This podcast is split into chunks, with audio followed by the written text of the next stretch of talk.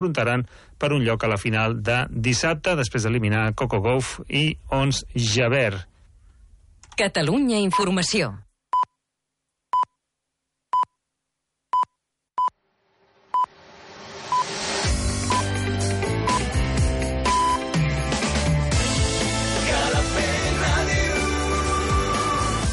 Són les 8. Escolta'ns a Calafell Ràdio, al 107.9 de la FM. Mira'ns al web calafell.tv. Sent Calafell allà on siguis. Calafell Ràdio, 107.9. L'Hora del Jazz. Un programa que t'apropa als millors compositors i les obres del gènere més rellevants. Ramon Robuster dirigeix i presenta L'Hora del Jazz, els dimecres de 8 de la tarda a 10 de la nit, amb repetició els diumenges a partir de les 11 de la nit.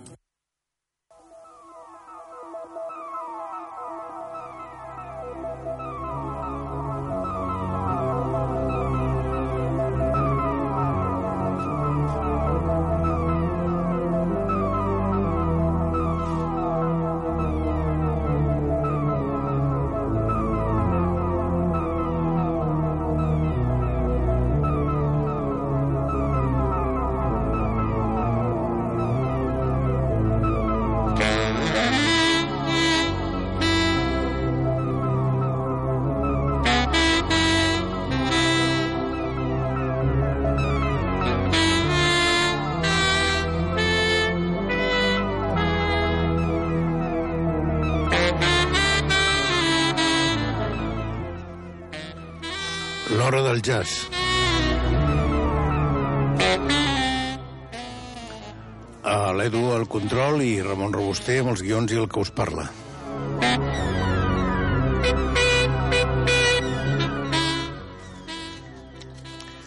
El programa d'avui es basarà en dues novetats eh, d'aquest any passat, del 2018. Eh, la primera molt de, amb dos CDs i la, la segona amb una gravació en directe impressionant eh, d'un dels trios que estimem des de fa molt de temps i que podrem escoltar avui amb, amb, amb la primera versió en directe d'aquest trio.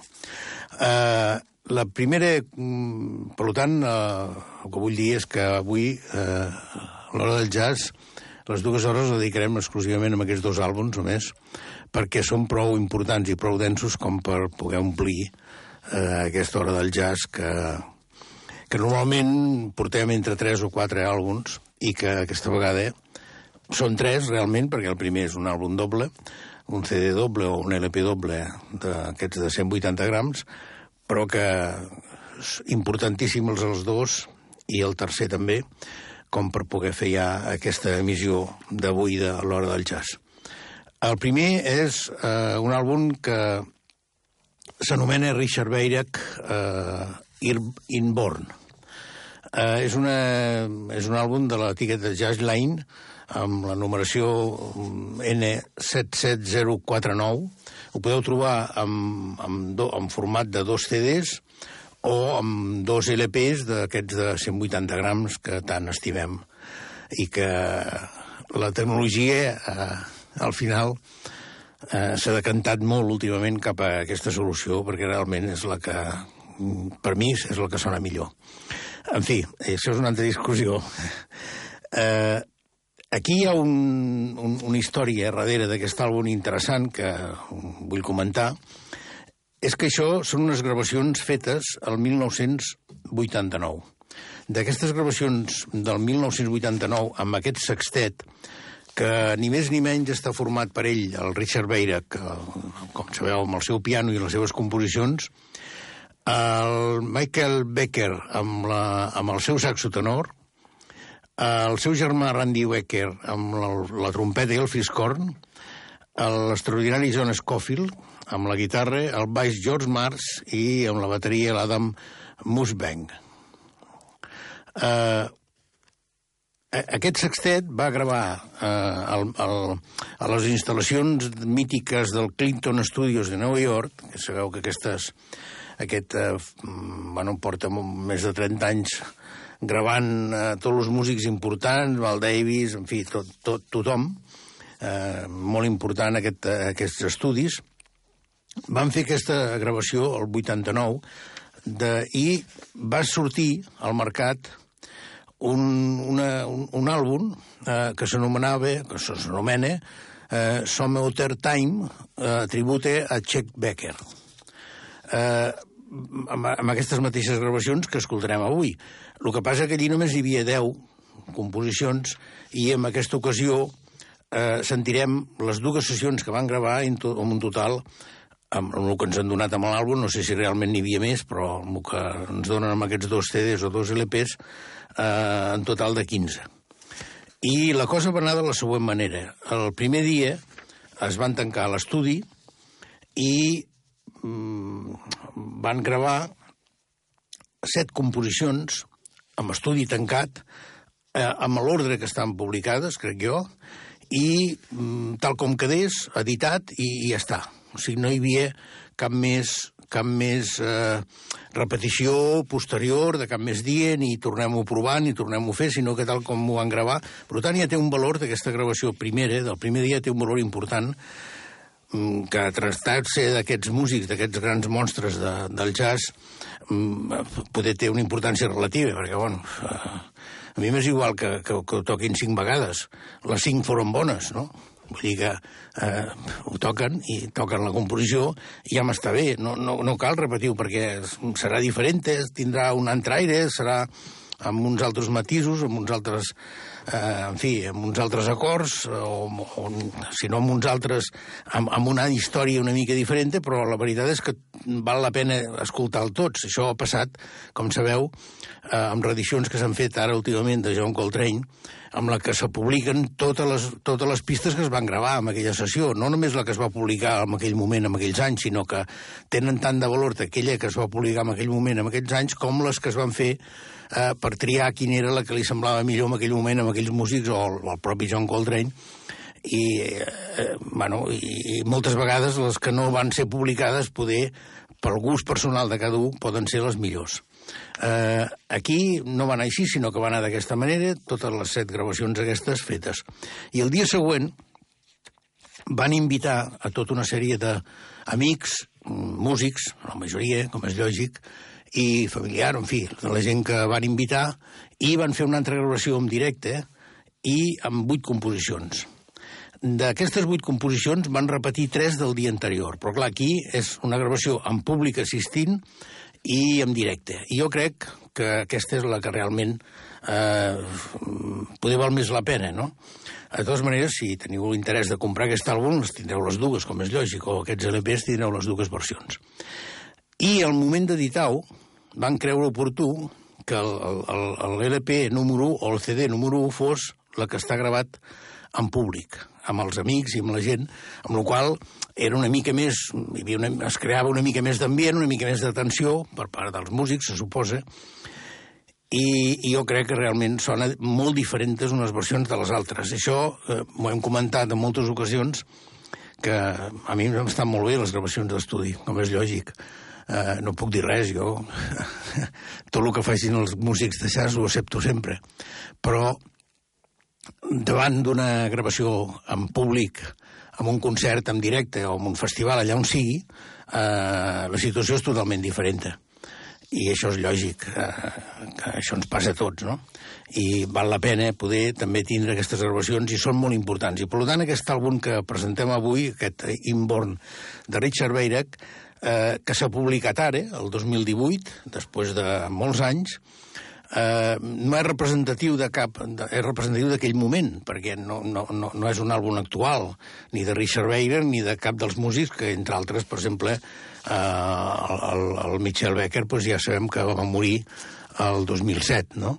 Eh, per tant, ja no podria estar, no? Però eh, sí, que, sí que té la importància, si més no, històrica, i realment té una importància musicalment brutal, eh, perquè és d'una qualitat extraordinària.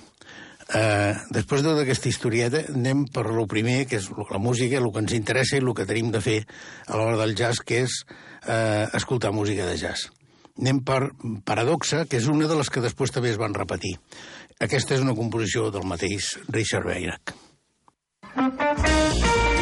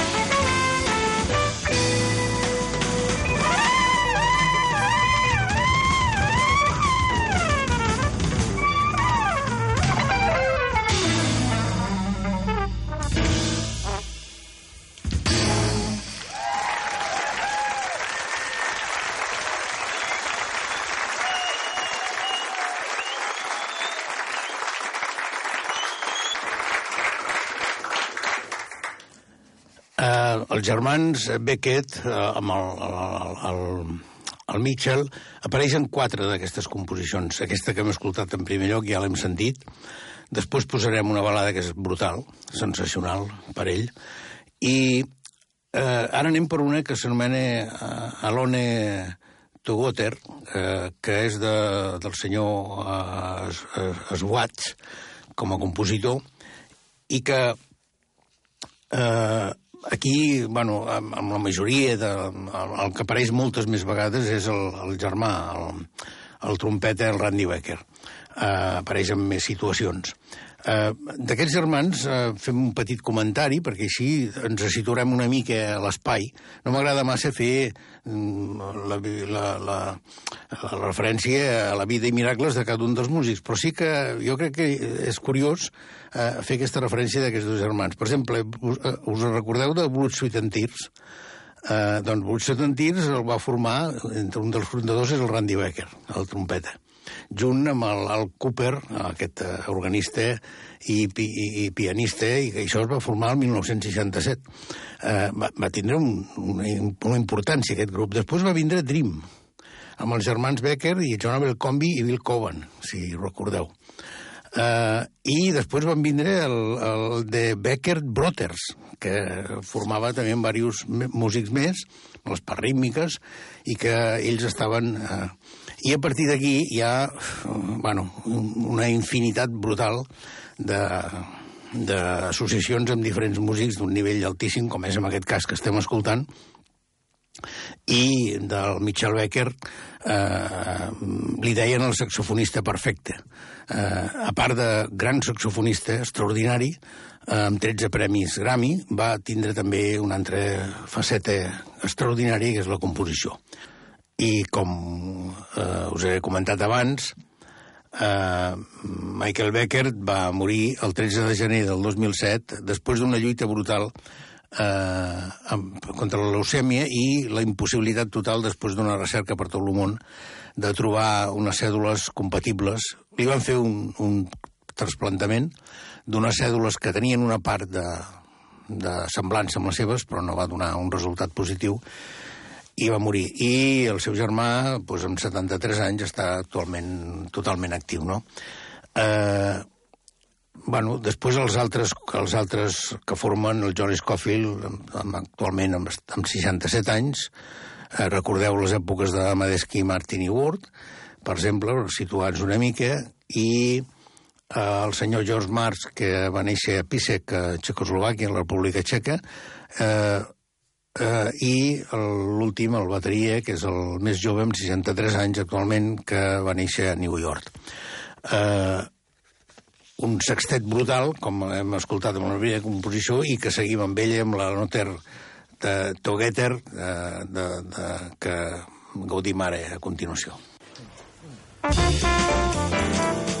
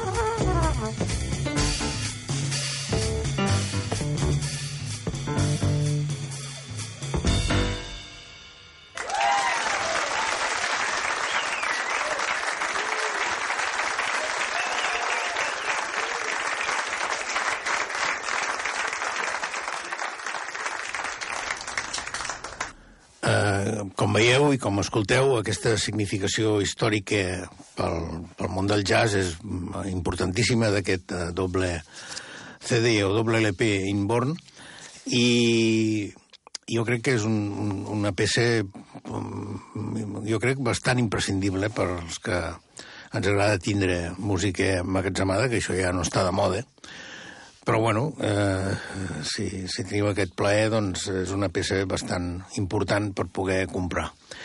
I anem per la composició que porta el nom de l'àlbum. Precisament abans he, he, he dit una cosa que no era veritat, que amb la peça número 1, el Paradoxa, no, no, el, el, he dit que estava el saxofonista, el Michael Becker, i no, no, no és veritat. És amb la, la primera actuació d'ell és amb aquest Inborn, i aquí sí que el tenim eh, d'una forma brutal. うん。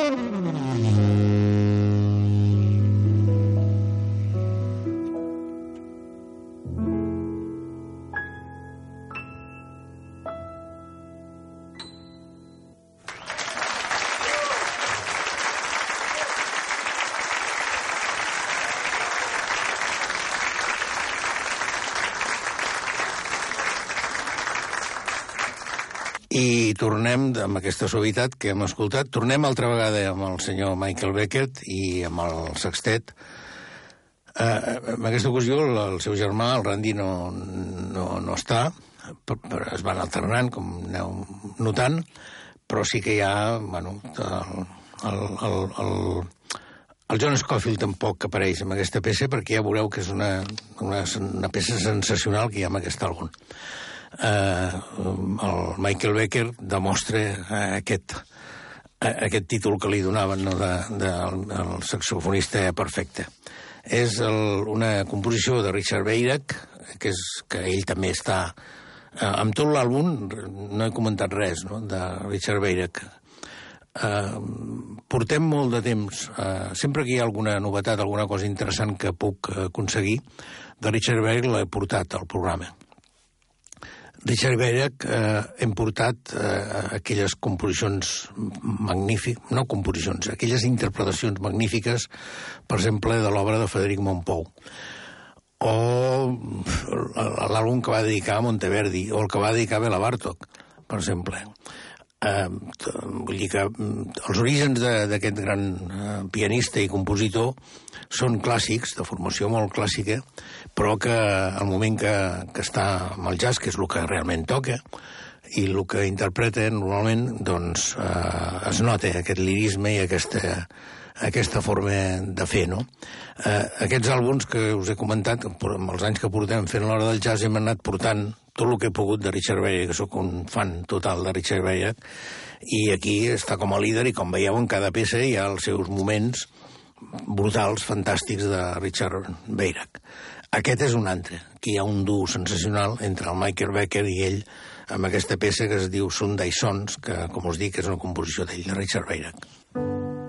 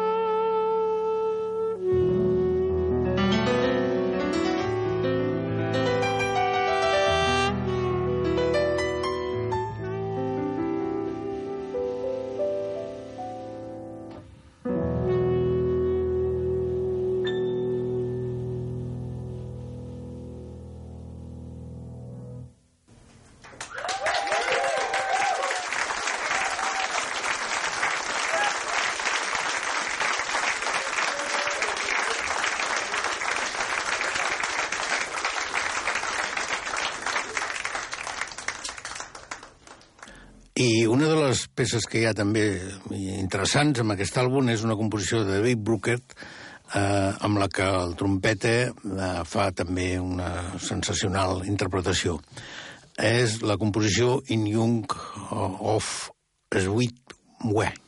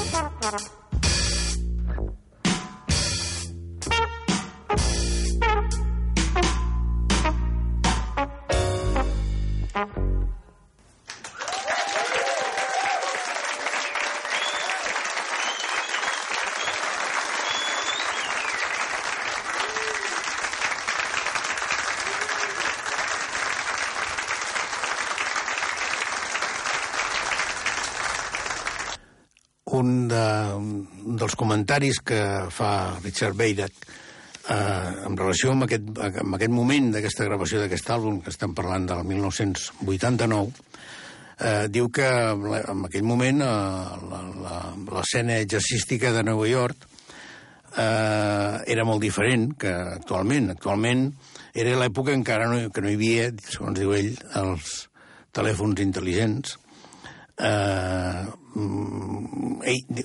hi havia ordenadors, però diu que no hi havia un ambient tant d'estar tot eh, al núvol, no a l'aire. Eh, la gent diu, l'entrevistaven i, i eh, abans de sortir eh, la gent se reunia al bar, diu, escoltar música, i, i diu, i una cosa curiosa que diu, diu, i sortien inclús a escoltar jazz eh, sobre, eh, fins i tot els dimarts, dimecres i dijous. Per descomptat el fi de setmana, però jo aquests dies, inclús aquests dies, hi havia... No sé com serà ara, no hi he estat, no, no últimament, però, bueno, és, és realment una mica el que està passant, no? Vull dir, tothom amb, el, amb aquesta cosa a la mà davant de la cara i anar tirant, no?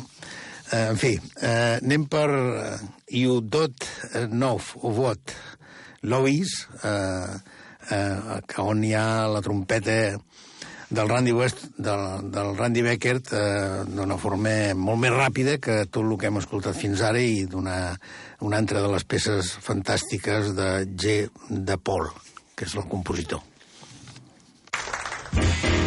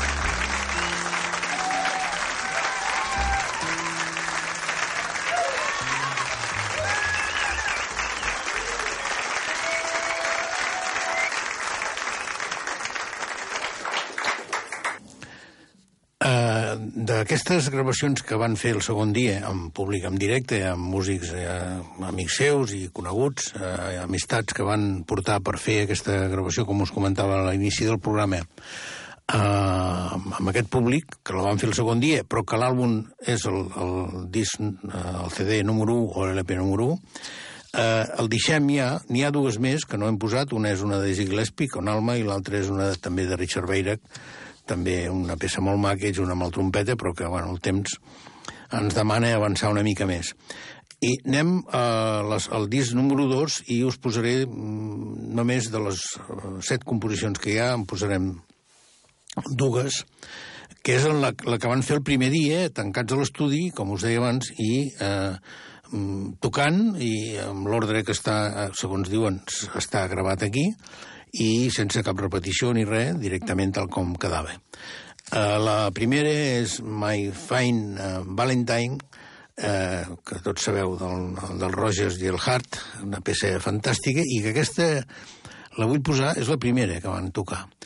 I la vull posar perquè és com una insinuació d'aquesta peça només, no? Eh, bueno, és la peça com és lògic, però eh, està d'una manera tocada amb una, eh, amb, d'una manera tan sutil, tan fantàstica, que val la pena escoltar-la. Anem per això.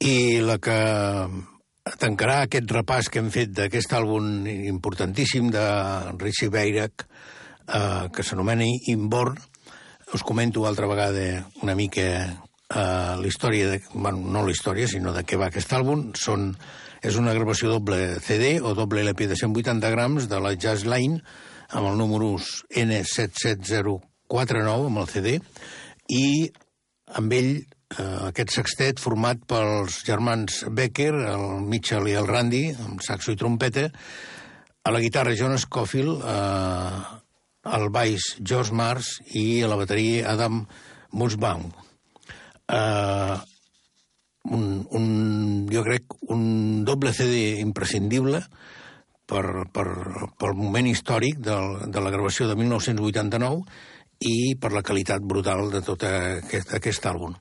Aquest segon CD, eh, que perteneix a les gravacions que van estar fetes amb, amb l'estudi tancats, eh, després de, de n'hi ha set, d'aquestes set, tres van ser repetides, que l'hem escoltat algunes d'elles.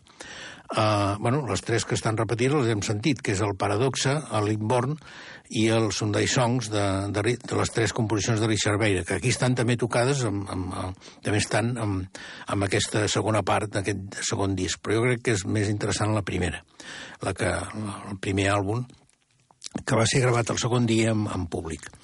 Uh, però per tancar-ho volia posar una peça que, no, que, que és que és el, el Living de, de Richard Beira, que és, pràcticament ja està considerat un estàndard de jazz, una composició fantàstica d'ell, de, una composició amb un aire de bossa nova, amb la que el Randy Beckett fa una exhibició total. Eh, aquesta peça se, sempre se la junta amb la composició d'Elm, com aquells àlbums famosos de Richard Beira, com aquell trio, i, i que també és un, ja és un estàndard clàssic. Eh, deixarem, doncs, eh, amb aquest sextet brutal i amb aquest àlbum, amb aquesta composició del Living de Richard Beirach.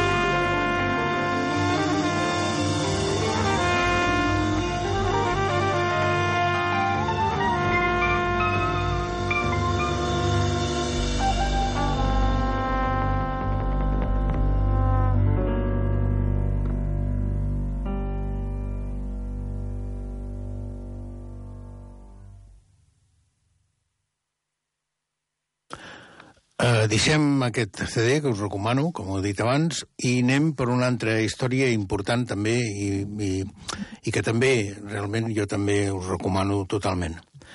Uh, des de fa molt de temps hi ha un trio sensacional que porta molts anys tocant junts, que és el trio de Marcin Basileski.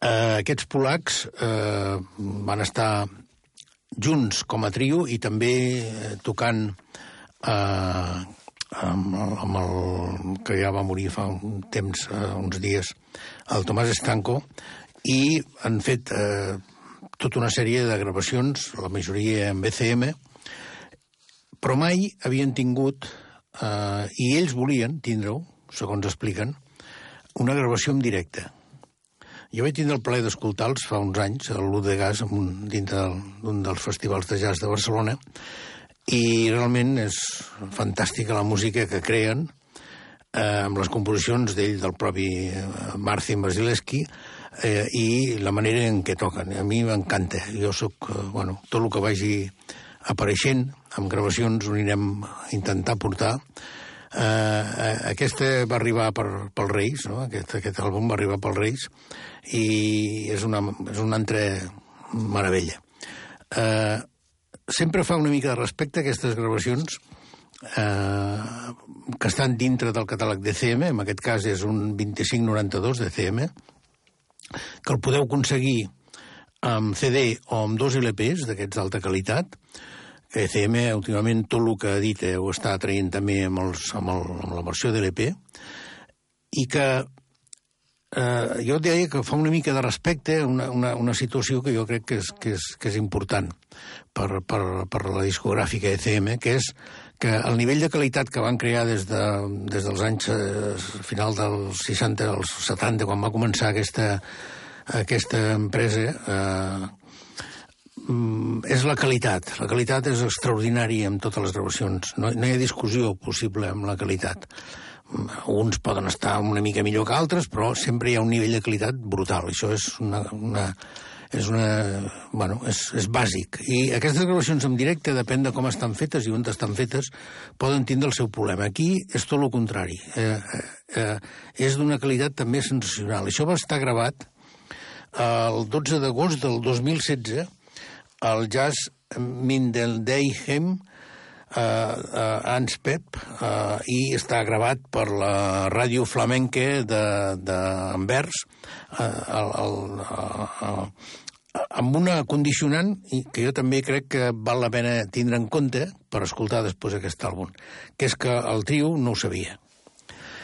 Eh, bueno, eh, ens, ens hem posat una mica en situació, anem Aquí, ha, anem per l'àlbum, hi ha sis composicions, la majoria molt llargues, entre 12 i 13 minuts, eh, la, més, la, la més curta és de 7 minuts, per tant és un àlbum dens, amb, amb, molt, amb, amb molta música, i anem per la primera, que és precisament de 12 minuts 29, que és, eh, com totes, una composició... bueno, excepte... Perdó, n'hi ha dues que no són de, de, del Màxim Basileski. N'hi ha una que és del, del senyor G.M. Summers i una altra de Herbie Hancock, l'última. Però anem per la primera, que és d'ell, que és les, una coneguda, l'Spark of Life, i, bueno, gaudim d'aquesta sensacional eh, música que ens porta aquest trio.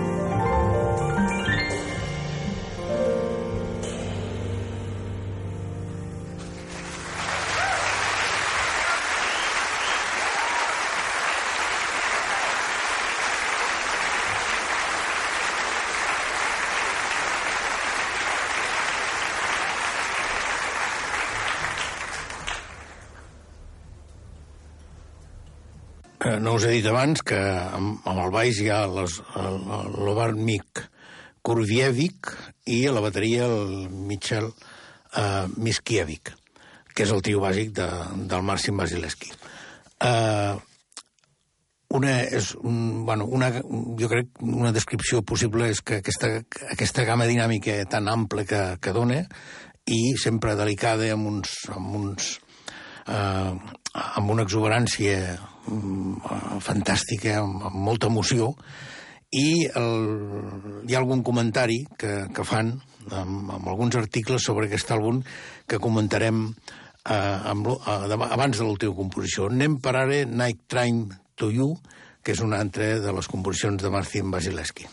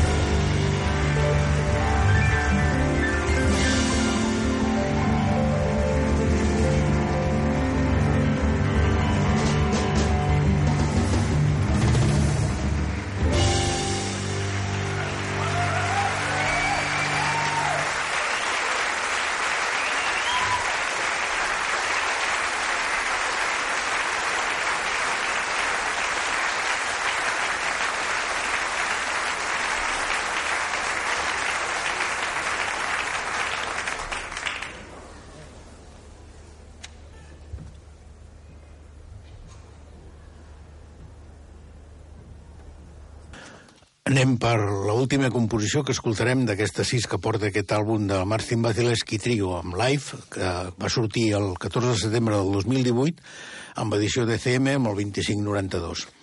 Uh, val, val a dir el mateix que dèiem abans amb l'altre àlbum. Entre les gravacions en directe i les d'estudi hi ha unes diferències. Per exemple, ell diu que el treball d'estudi és un procés molt hermètic eh, on s'intenta obtindre versions òptimes, compactes i condensades de les peces. I el treball en directe té a veure amb ajustar el flux i comunicar-se amb el públic.